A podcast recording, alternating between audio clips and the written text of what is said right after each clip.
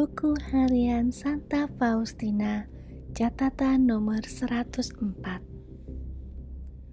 Aku ingin menambahkan bahwa meskipun jiwaku sudah berada dalam sinar kasihnya, bekas-bekas siksaan sebelumnya tetap ada pada tubuhku selama dua hari.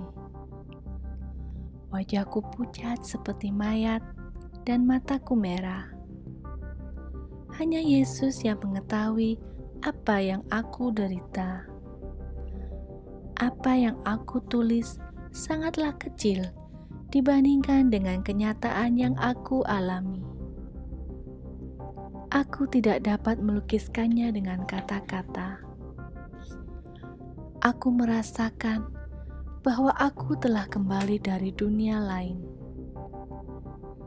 Aku merasa sama sekali tidak tertarik dengan semua yang telah diciptakan. Aku merapat ke hati Allah seperti seorang bayi merapat ke dada ibunya. Kini aku melihat segala sesuatu serba lain. Aku sadar akan apa yang telah dilakukan Tuhan dalam jiwaku hanya dengan sepatah kata dan aku hidup karenanya. Aku merasa ngeri kalau ingat akan siksaan yang sudah lewat itu. Rasanya aku tidak percaya bahwa orang dapat menderita sedemikian berat. Seandainya aku tidak mengalaminya sendiri, inilah penderitaan yang sepenuhnya bersifat rohani. Buku Harian Santa Faustina Catatan nomor 105 Tetapi dalam semua penderitaan dan pergulatan itu, aku tidak mengabaikan komuni kudus.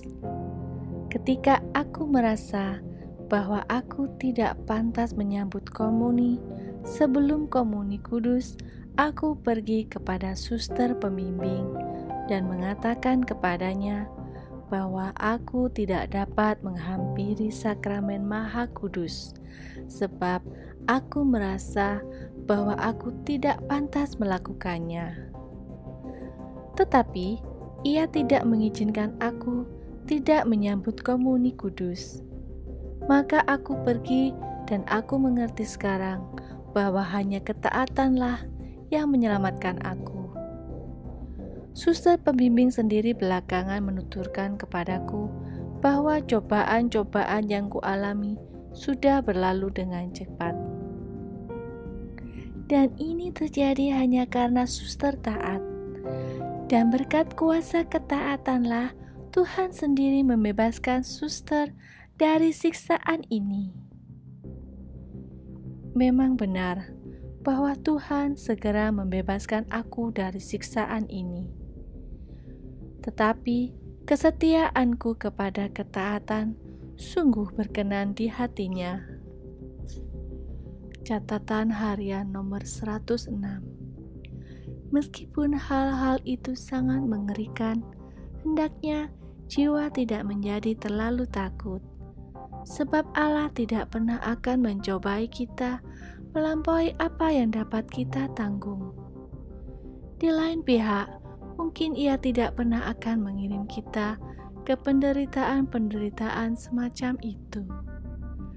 Tetapi aku menulis semua ini karena kalau Tuhan berkenan membiarkan suatu jiwa menjalani penderitaan-penderitaan yang sedemikian berat, hendaknya ia tidak takut dan sejauh itu tergantung pada jiwa itu sendiri. Hendaknya ia tetap setia kepada Allah. Allah tidak akan merugikan satu jiwa pun, sebab Ia sendiri adalah Sang Kasih, dan dalam kasihnya yang tak terperikan, Ia telah menciptakan jiwa itu. Tetapi ketika aku sedemikian disiksa, aku sendiri tidak memahaminya. Catatan harian nomor 107 Oh Allahku, Aku baru tahu bahwa aku bukan dari dunia ini. Tuhan telah mencurahkan kesadaran yang mendalam ini ke dalam jiwaku. Aku lebih bersekutu dengan surga daripada dengan dunia, meskipun aku sama sekali tidak mengabaikan tugas-tugasku. Catatan harian nomor 108 Selama masa itu, aku tidak mempunyai pembimbing rohani. Aku tidak mendapatkan tuntunan apa pun. Aku minta kepada Tuhan, tetapi Ia tidak memberikan kepadaku seorang pembimbing rohani. Yesus sendiri telah menjadi guruku sejak hari-hari masa kanak-kanakku sampai saat sekarang. Ia mendampingi aku melintasi semua rimba dan semua bahaya.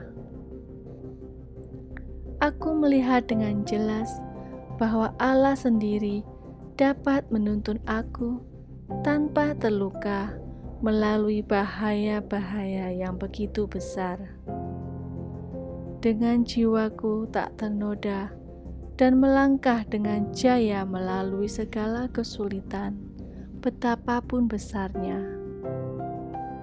Sementara aku keluar, kemudian Tuhan sungguh memberiku seorang pembimbing rohani. Catatan harian nomor 109 Sesudah penderitaan-penderitaan seperti itu, jiwaku sampai pada suatu tahap kemurnian roh yang tinggi dan sangat dekat dengan Allah. Tetapi aku ingin menambahkan bahwa dalam siksaan-siksaan rohani itu, jiwaku memang dekat dengan Allah, tetapi ia buta mata jiwaku diliputi kegelapan. Memang, lebih dari kapan pun, Allah begitu dekat dengan jiwa yang sedang menderita. Tetapi segalanya tersembunyi dalam kenyataan bahwa ia tidak mengetahui apa-apa. Sungguh, jiwaku merasakan bahwa ia tidak hanya telah ditinggalkan oleh Allah, tetapi ia menjadi sasaran kebenciannya. Betapa berat penyakit yang menimpa mata jiwaku. Ketika diterpa oleh sinar ilahi, jiwaku menegaskan bahwa terang itu tidak ada.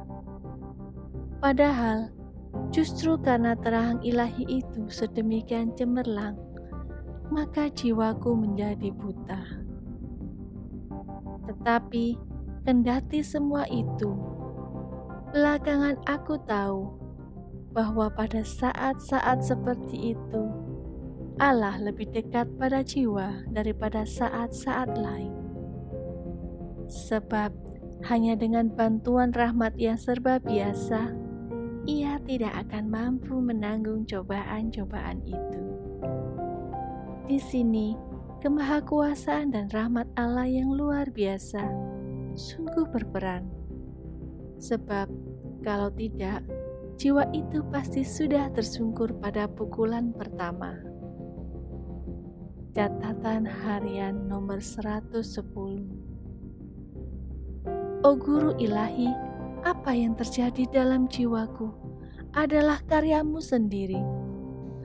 Engkau, oh Tuhan, tidak takut menempatkan jiwa pada tebing jurang yang mengerikan, tempat ia berdiri dengan cemas dan penuh ketakutan. Sebab kemudian engkau sendiri memanggil jiwa itu kepadamu. Inilah misteri-misterimu yang tak terselami.